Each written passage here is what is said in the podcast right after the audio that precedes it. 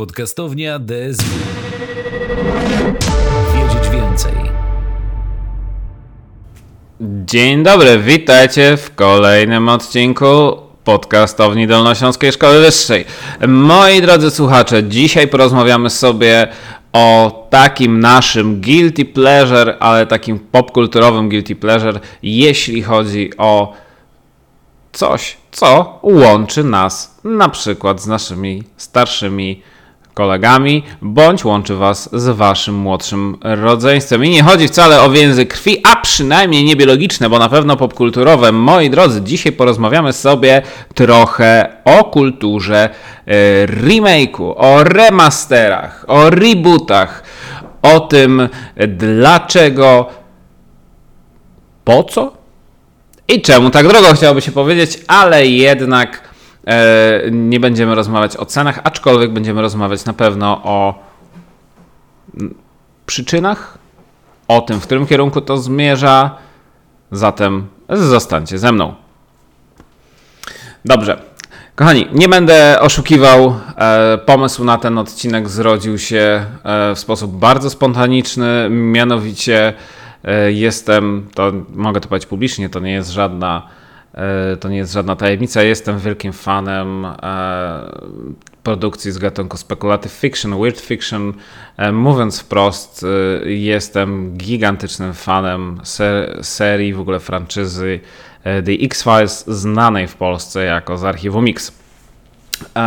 No i nie ma co ukrywać, że E, cała, całe to moje doświadczenie z The X-Files oczywiście opiera się, e, zaczęło się od e, pewnych wspomnień z dzieciństwa, kiedy pamiętam, że muzyka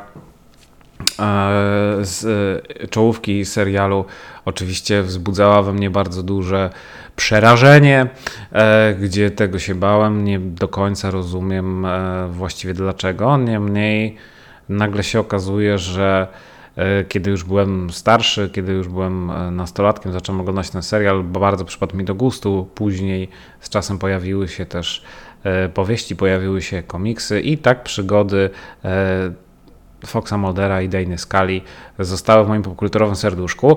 I tak sobie ostatnio siedzę z kubkiem kawy, myślę o tym, o czym tutaj by z wami porozmawiać i nagle się okazuje, że bum, trach na moich social mediach e, mignęła mi informacja, będzie e, remake z Archiwum X. E, no słuchajcie, oczywiście jak każdy fan w takim wypadku od razu ciśnienie skacze w górę, tętno trochę jakby szybsze i już od razu sobie wyobrażam, że wróci Molder, wróci Skali, może wróci nawet Smoker. Chociaż to chyba byłoby niemożliwe ale w tej franczyzie nie ma rzeczy niemożliwych, jak to wiemy. Oczywiście nie chcę tutaj mówić stricte o archiwum Mix, bo to, jest tylko przykład, natomiast na pewno też macie swoje ulubione serie, ulubione marki, gdzie e, taka wiadomość prędzej czy później Was zaskoczy. No właśnie, słuchajcie, e, nie trzeba patrzeć wcale daleko. Cała seria e, remake'ów już nie remasterów, ale remake'ów Resident Evil, gier z tej serii, które są teraz e, stworzone w sposób bardzo e, spektakularny, gdzie mówimy o grach, które są zdecydowanie lepsze graficznie, lepsze mechanicznie od oryginału. Cała seria jest poddana procesowi remasteru. Zaraz będziemy mieli również takie Mm, taki proces w wypadku uniwersum Silent Hill. E, wiemy też, że zbliża się e, remake pierwszej części gry Wiedźmin, który będzie robiony przez e, Fool's Fury. Więc to nie jest tak, że jest nam to absolutnie totalnie obce. No i oczywiście nadchodzą, nadchodzą nowi Power Rangers. Niemniej, moi drodzy, tego trochę jest. E, I powiem Wam, tutaj się znowu muszę podzielić taką, taką anegdotką. Jest w ogóle fajne, to zostaje między Wami a mną, więc wiem, że nikomu nie wygadacie.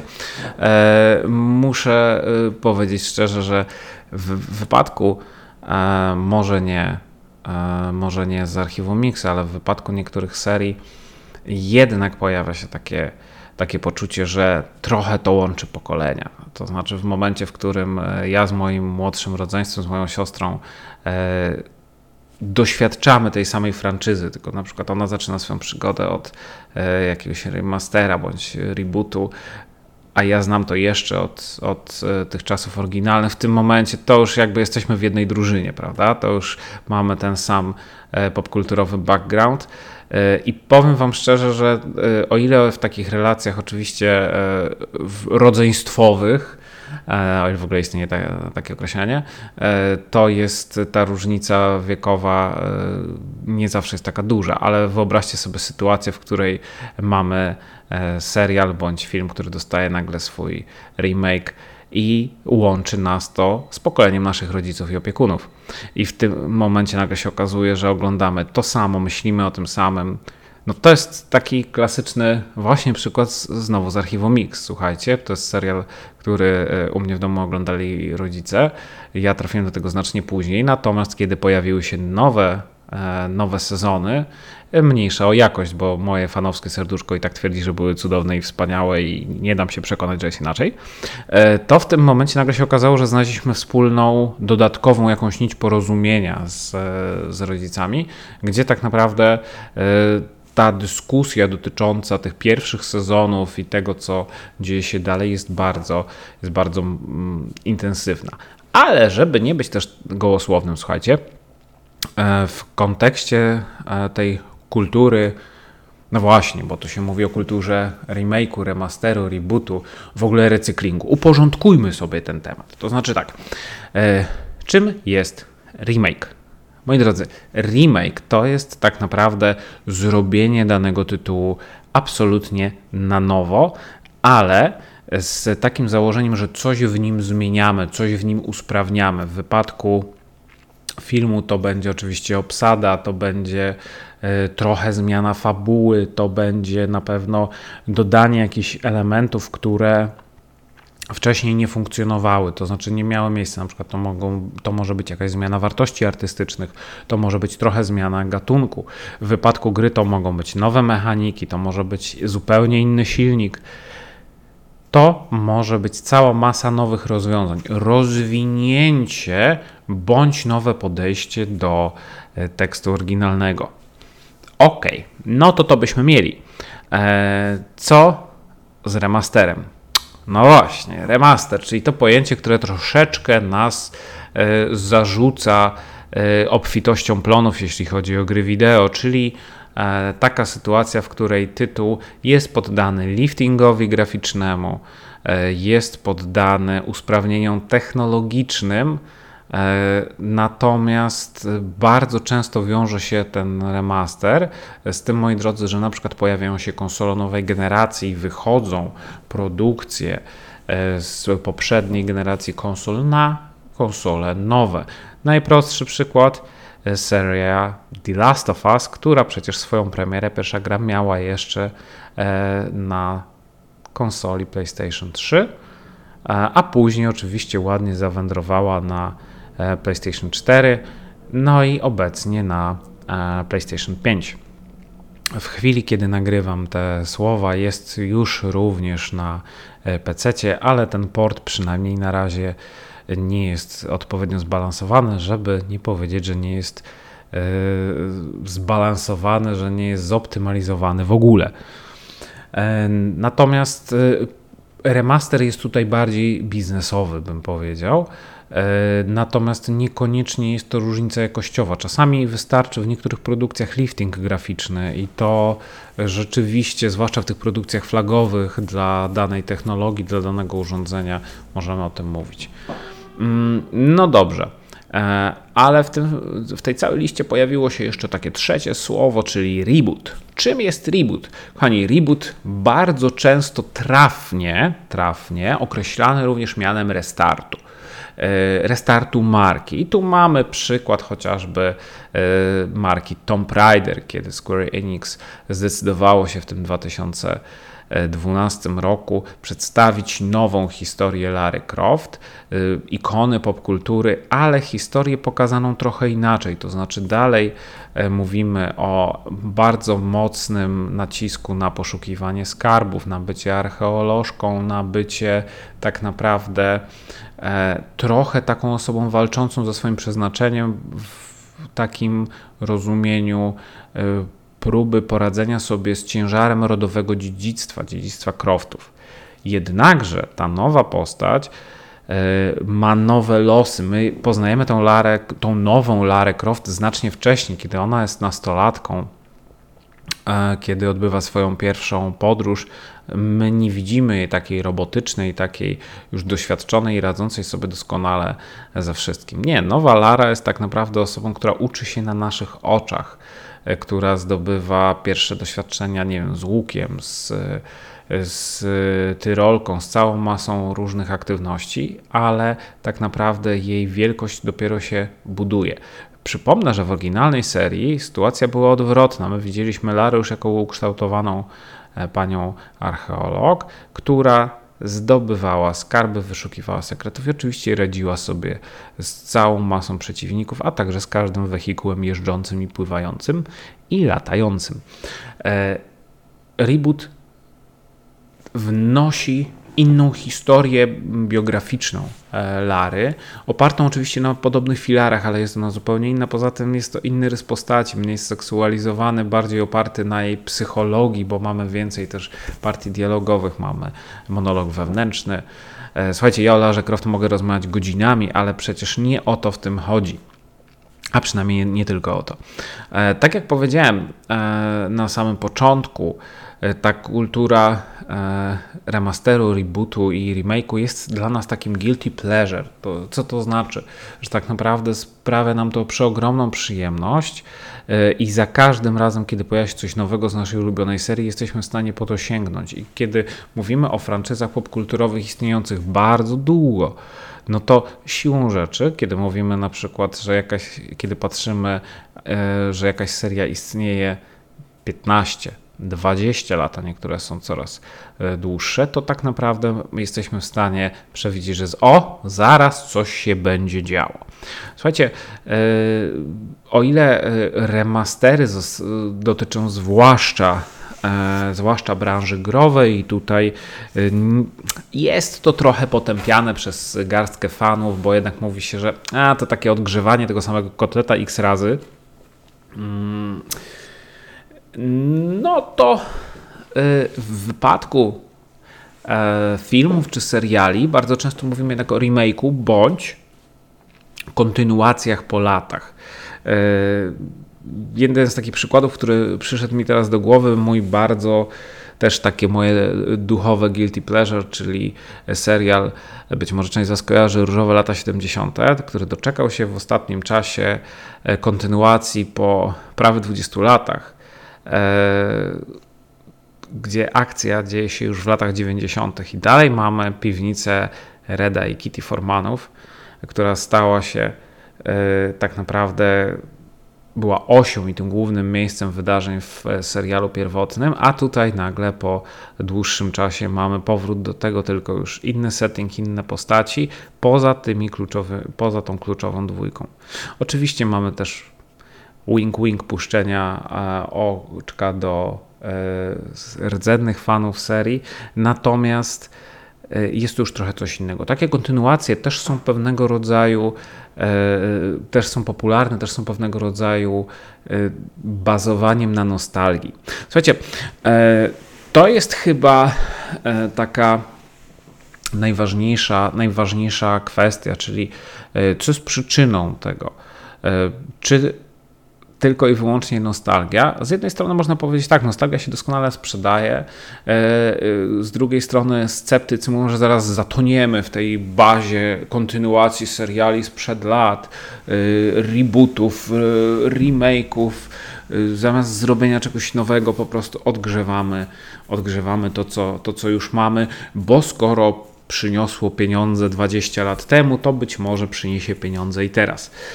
Nie sposób nie sposób zaprzeczyć, że jest w takim myśleniu dużo racji, ale z drugiej strony, e, z drugiej strony, jeżeli mówimy o filmach, które mają w sobie bardzo dużą wartość, ale jednak z uwagi na technologię, z uwagi na, na różne rzeczy już trochę się zestarzały. Być może remake nie jest, nie jest niczym złym. E, tylko moja motywacja, żeby pójść do kina, będzie jednak podyktowana trochę tą nostalgią, natomiast niekoniecznie tym, żeby zobaczyć stricte jakiś, e, jakiś film, który zwróci moją uwagę czymś innym aniżeli ta nostalgia.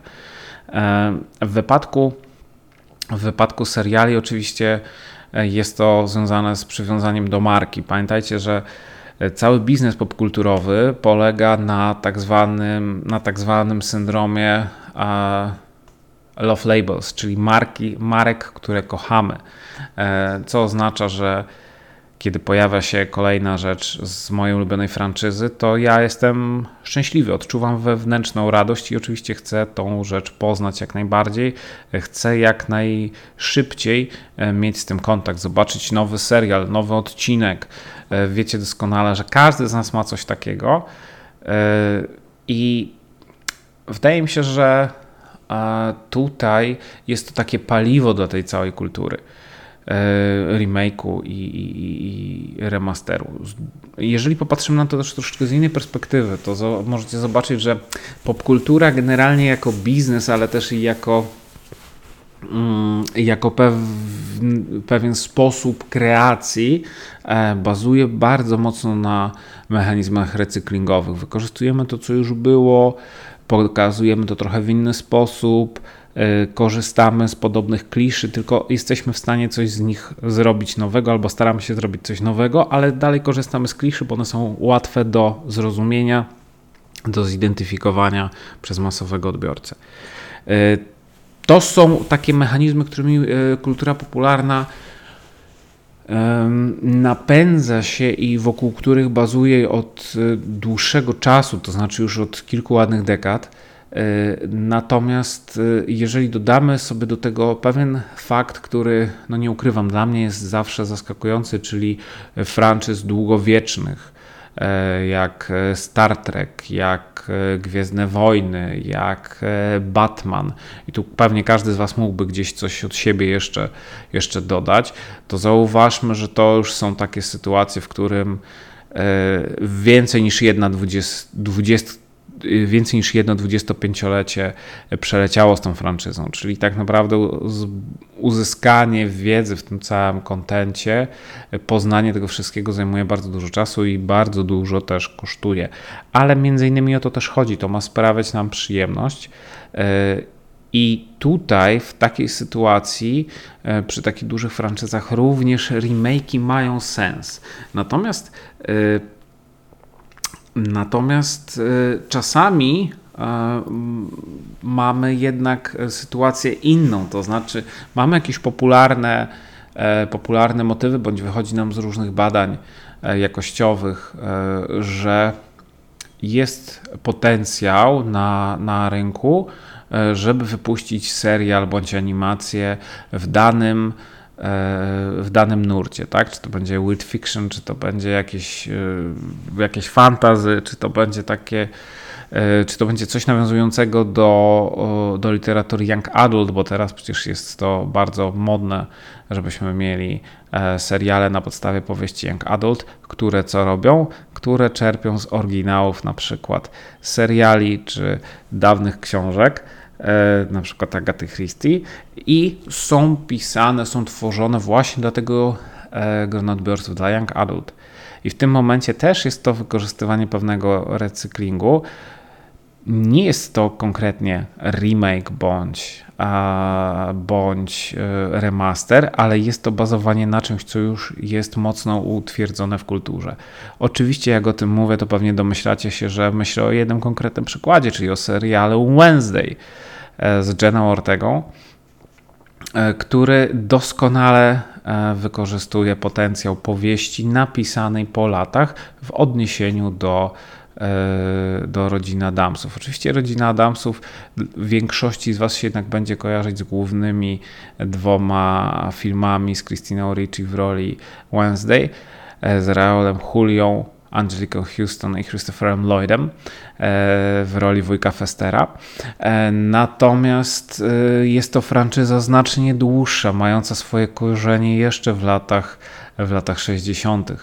E, o ile nie wcześniej, aż, aż tak nie chcę też, e, nie chcę też e, wybiegać. To samo będziemy mieli w wypadku chociażby Sabriny, nastoletniej czarownicy, więc to są marki już wieloletnie i w tym wypadku odświeżanie ich takimi nowymi, nowymi rzeczami ma sens, bo mówimy o nowej grupie odbiorców, o młodych dorosłych, o generacji Z. Tu jest potencjał. Kochani, ale E, mówiłem na początku, że to jest guilty pleasure. No to nie oszukujmy się, dlaczego tak jest. No właśnie. E, tu każdy z nas mógłby wstawić do, e, mógłby wstawić swój przykład, tak? Ktoś, nie wiem, ktoś jest fanem League of Legends i wszystko, co z tym jest związane, oczywiście będzie dla niego interesujące. E, tak, wszyscy wiemy, jaki serial oglądaliśmy i jaką animacją się zachwyciliśmy. E, ktoś może stwierdzić, że, e, że dla niego absolutnie najistotniejsze w tym wszystkim jest Overwatch, a ktoś stwierdzi, że uniwersum Diablo i tak dalej, i tak dalej. Ale chodzi o to, że skoro już coś przykuło naszą uwagę, to tak naprawdę chcemy poznać z tego świata więcej, bądź chcemy poznać więcej informacji na temat postaci, chcemy zobaczyć je w trochę innym, e, w trochę innym, e, innej sytuacji, e, innych okolicznościach. Zwróćcie uwagę, że teraz mamy bardzo duży, mm, bardzo dużą dyskusję na temat tego, czy powinien i czy będzie remake filmów czy to w formie właśnie filmowej, czy w formie serialowej z uniwersum Harry'ego Pottera. E, oczywiście te dyskusje wracają po sukcesie gry Hogwarts Legacy, e, natomiast minęło prawie że 20, 20 lat, e, czyli te osoby, które wtedy dorastały z tym filmem, dorastały z Danielem Radcliffe'em, Rupertem Grintem i Emma Watson na ekranie, dzisiaj bardzo często mają już dzieci. E, które też chciałyby do tego, do tego sięgnąć. E, I tutaj będziemy mieli bardzo e, sympatyczną sytuację, w której to rodzice pójdą z dziećmi do kina. Nie trzeba daleko szukać, bo słuchajcie, jakby koszula bliższa ciału. No, z mojej perspektywy taką, takim przykładem jest oczywiście uniwersum, a właściwie uniwersum, multiversum Nintendo i kasus gier Mario, gdzie grał papa, grał synek i gra kolejny synek, tak? Czyli gra dziadek, ojciec i syn. E, w tym momencie mówimy już o takich franczyzach wielopokoleniowych i w tym, i do, w tym kierunku to zmierza. E, w chwili, kiedy nagrywam do Was te słowa, e, większość osób też e, z mojego otoczenia fascynuje się kolejną częścią Johna Wicka. Przede mną dopiero ten seans. Natomiast jak oglądaliście już w kinie, to proszę nie spoilować. E, natomiast ważne jest to, że to też jest franczyza, która, która żyje, która się rozwija. Boski Keanu, You Are Breathtaking. Natomiast mówimy też o takiej, o pewnego rodzaju potrzeby, tak? To znaczy potrzeby związanej z seryjnością. Jest większe prawdopodobieństwo, że pójdę na kolejną część czegoś, sięgnę po kolejną grę z serii, aniżeli sięgnę po coś nowego. Budowanie IP w popkulturze jest bardzo trudne, żeby się przebić do masowej świadomości. E, dajmy sobie prosty przykład. Kiedy mam serię Assassin's Creed i wiadomo, że zbliża się ten Assassin's Creed Mirage, które właściwie będzie trochę takim takim remake'iem pierwszej części, pierwszej części serii, ale trochę tak nie do końca, trochę będzie, trochę nie będzie, tutaj zobaczymy. E, jeśli chodzi o skalę i o mechaniki, to na pewno. Mm, no to wiadomo jest, że przykuje to moją większą uwagę aniżeli, aniżeli nowe IP, które będzie wykorzystywało podobne mechaniki, ponieważ mnie, w mojej świadomości jednak te mechaniki e, mechaniki likwidacji przeciwników, e, skradania się, całej masy rzeczy są tożsame i są kojarzone przede wszystkim z tą serią. Niestety, tak, stety albo niestety, ale tak działa ten e, popkulturowy biznes. Moi drodzy, e, kiedy mówimy o mm, kiedy mówimy o kulturze recyklingu, e, znaczy kiedy mówimy o, przepraszam, kiedy mówimy o kulturze e, remake'u i remasteru, najczęściej myślimy o grach wideo.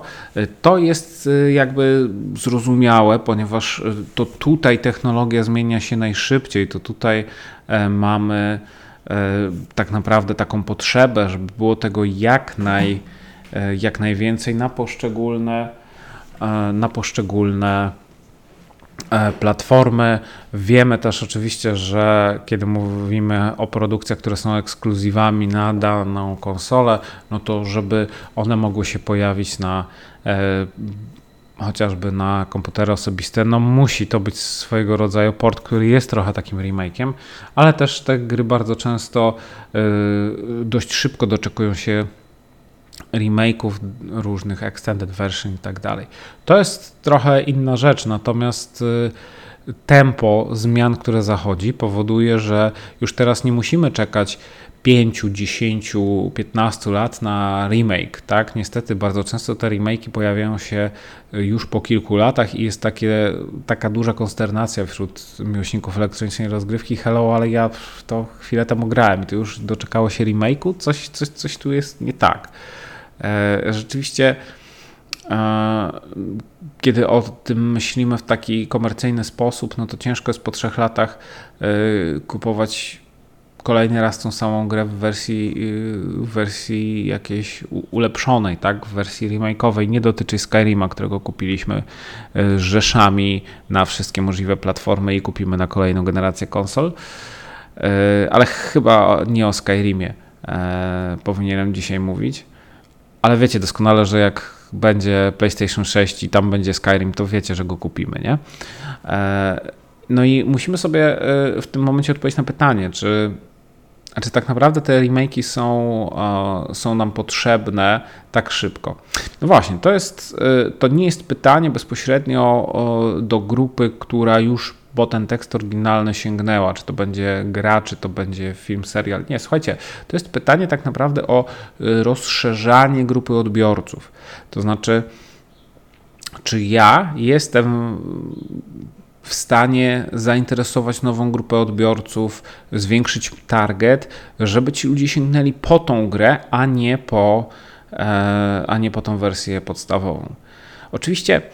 E, mówi się coraz częściej o tym, że target popkulturowy, jeśli chodzi o, gaming, jeśli chodzi o serwisy streamingowe, zwiększa się bardzo dynamicznie, że coroczne raporty pokazują, ile jest, e, ile jest graczy na świecie. W Polsce, według najnowszych raportów, mamy e, ponad 12 milionów graczy. To jest, słuchajcie, liczba zawrotna. E, to są te dane z raportów z 2022 roku. E, I w tym momencie możemy tak naprawdę zakładać, że faktycznie e, nawet taki szybki remake, mówiąc wprost, się sprzeda.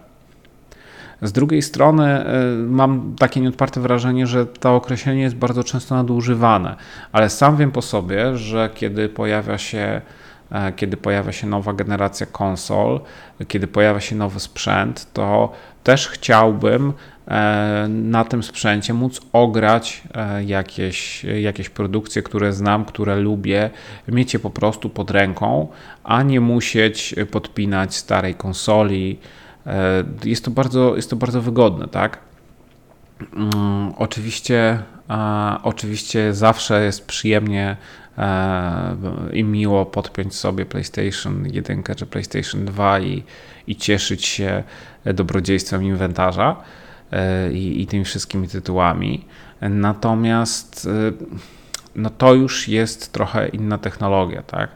Wyobraźcie sobie taką sytuację, w której gracie ze swoim młodszym rodzeństwem i w tym momencie jakby dla dla takiej osoby zachwycanie się e, grą sprzed 20 lat, która, e, która technologicznie no, trochę już chrupie, ma problemy ze sterowaniem i e, niekoniecznie jest to przyswajalne dla młodszego odbiorcy, to nawet czasami dobra fabuła, dobry lore świata tego, tego nie uratuje. między innymi tego rodzaju badania, też dotyczące psychologicznych aspektów odbioru e, gier, seriali. W wypadku oprogramowania i gier tu jeszcze wchodzą kwestie UI-owe. No musimy się tutaj e, musimy się tutaj nastawić na to, że te remake'i będą powstawać. Oczywiście, słuchajcie, zacząłem tą tą, ref, tą refleksję od z archiwum Mix i w taki sposób też podsumuję, że e, najważniejsze jest e, przede wszystkim to, co takie informacje nam dają, czyli dają nam e, aspekt wyczekiwania, aspekt radości i dają nam tak naprawdę możliwość